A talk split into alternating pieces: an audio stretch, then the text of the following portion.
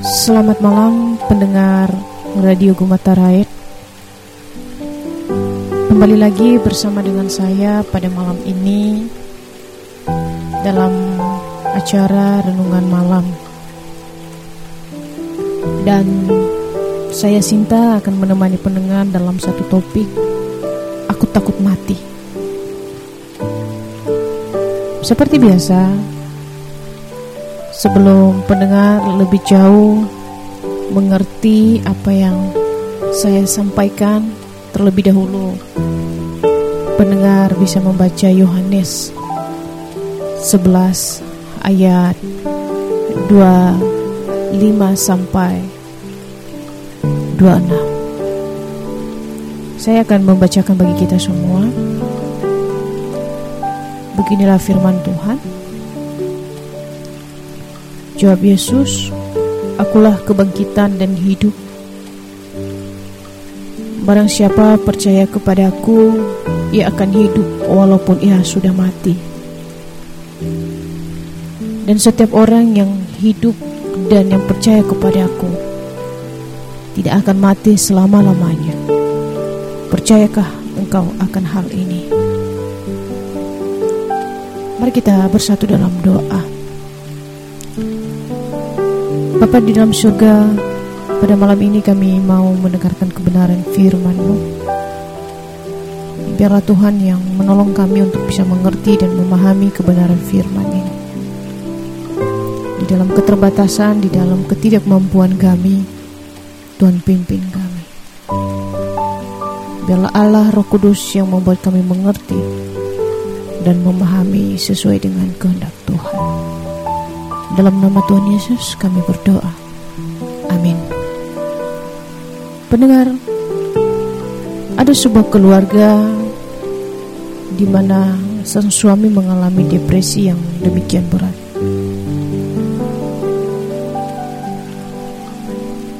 Sang suami mengalami persoalan hidup yang silih berganti. Seolah-olah masalah dalam keluarga mereka datang dan pergi. Dan bagi suami ini dia merasa penderitaan itu menjadi kawan setiap hari.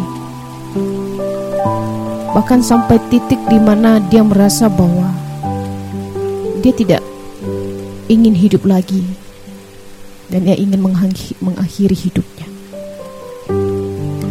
Dalam keputusasaan, ia datang ke psikiater dan menyatakan bahwa ia ingin bunuh diri.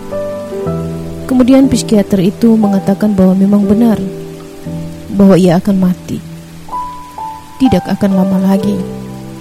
Bahkan hari ini adalah hari terakhir dia menjalani kehidupan sebagai seorang manusia. Itulah yang dikatakan oleh seorang psikiater kepadanya. Kemudian psikiater itu tidak berhenti sampai di situ. Dia mengatakan persiapkan dirimu baik-baik menjelang hari kematianmu. Demikian nasihatnya.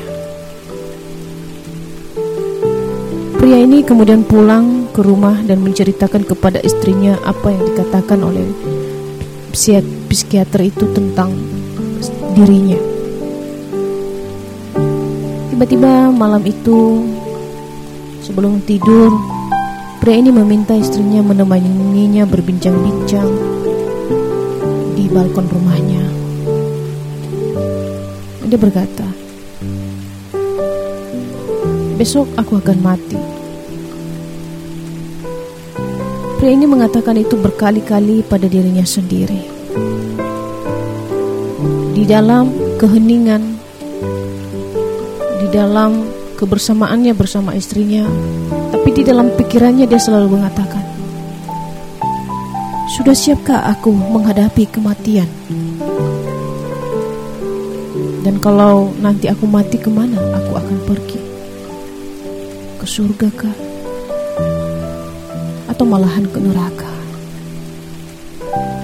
Kalau misalnya aku ke surga, apa yang menjadi argumen bahwa saya pergi ke surga? Apakah saya sudah hidup benar di hadapan Tuhan? Tidak pernahkah aku menyakiti sesamaku? Sudahkah hidupku menjadi berkat bagi keluargaku? Bagi sesamaku? Atau sudahkah aku benar-benar siap menghadapi pertanyaan-pertanyaan yang akan diberikan Tuhan kepadaku? Di dalam banyaknya pertanyaan itu pendengar, laki-laki itu menangis dan meneteskan air matanya. Dari tetesan air mata itu terlihat bahwa sosok seorang laki-laki yang menjadi kepala keluarga di dalam keluarganya belum siap untuk mati dan meninggalkan keluarganya sekalipun di dalam depresi yang begitu berat dia tidak ingin mengakhiri hidupnya dengan hal-hal yang konyol. Tetapi siap atau tidak, besok dia akan mati. Kemudian laki-laki ini membereskan segala persoalan yang belum selesai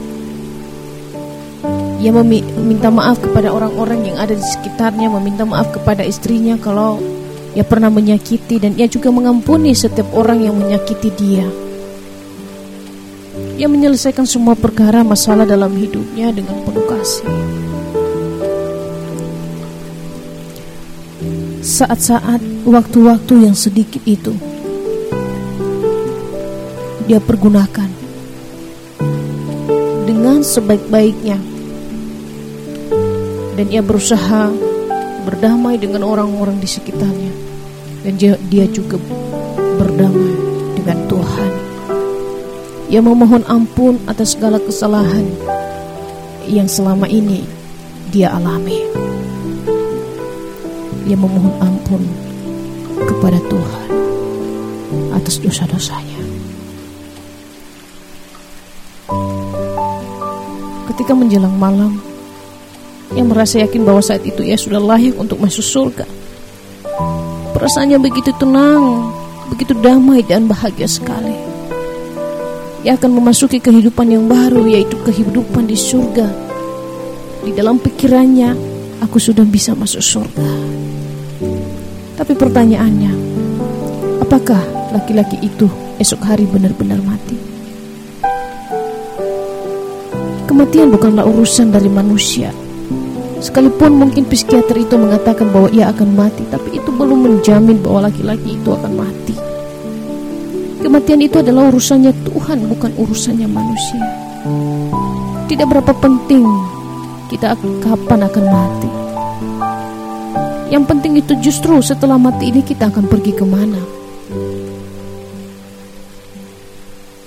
Apakah kita ke surga atau ke neraka? Karena manusia tidak akan pernah tahu kapan waktu Tuhan memanggil dirinya. Saya tahu setiap kita punya keinginan untuk masuk surga. Dan tidak ada yang mau masuk neraka. Pendengar, hendaklah senantiasa bersikap bahwa hari ini adalah hari-hari terakhir Anda bersama dengan keluarga Anda. Hari-hari terakhir Anda bersama dengan sahabat-sahabat Anda. Hari terakhir Anda akan menemati ini orang-orang yang Anda kasihi. Kematian adalah misteri yang bahkan kita tidak tahu itu kapan hadir dalam hidup kita dan apa pun itu kita belum tahu kapan. Tidak sedikit orang pada akhirnya yang di luar Tuhan takut akan kematian. Tetapi sebagai orang-orang percaya, sekalipun kematian itu adalah misterius, kita tidak tahu. Tapi kita punya satu keyakinan bahwa kita itu akan masuk ke dalam surga. Kita tidak akan masuk ke dalam neraka, yang di mana di dalamnya ada api yang tak pernah padam, ada ratap, ada gertak gigi yang dikatakan dalam Matius 25 ayat 30. Kematian itu sebagai orang percaya bukanlah hal yang menakutkan, Walau saya tidak mengatakan bahwa kematian itu mudah untuk kita terima, Kita bisa kehilangan orang-orang yang kita kasihi. Kita bisa merasa kesedihan kita itu dalam, merasa kehilangan, kesepian yang menyelimuti. Tetapi Alkitab menyatakan bahwa bagi kita, setiap orang yang percaya kepada Yesus, itu pasti tempatnya adalah surga. Karena Yesus memberi jaminan kepada Anda dan saya. Di dalam Yohanes 11 ayat 25 sampai 26 mana Yesus berkata, Akulah kebangkitan dan hidup. Barang siapa percaya kepadaku, ia akan hidup walaupun ia sudah mati. Dan setiap orang yang hidup dan percaya kepadaku tidak akan mati selama-lamanya. Percayakah engkau hal ini?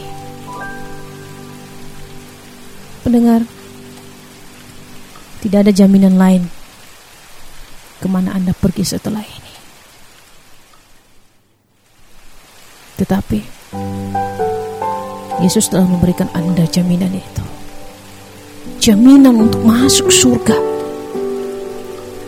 Dan jaminan itu diberikan dengan darahnya yang mahal yang tertumpah di atas kayu salib. Dia rela mati, dia rela menderita. Untuk siapa? untuk setiap orang yang percaya kepadanya. Yesus adalah satu-satunya jalan yang membawa kita masuk ke dalam surga dan bertemu dengan Bapa. Jadi pendengar, kematian bukanlah hal yang menakutkan lagi bagi kita. Kesedihan ada, kekecewaan, kemarahan ada, kekesalan ada ketika kita kehilangan. Tapi di balik itu, kembalilah kepada Tuhan bahwa Tuhan sanggup memulihkan setiap hidup pendengar sekalian. Pendengar, biarlah renungan pada malam ini mengingatkan Anda dan saya untuk selalu waspada karena kita tidak tahu Jadikan malam ini adalah malam terakhir Anda bersama dengan keluarga Anda. Dan di waktu-waktu yang singkat ini, tanyakan apa yang bisa Anda lakukan untuk keluarga Anda. Atau mungkin hari ini ada kekesalan, ada kemarahan kepada keluarga Anda. Malam ini saya katakan, selesaikan itu. Minta maaf.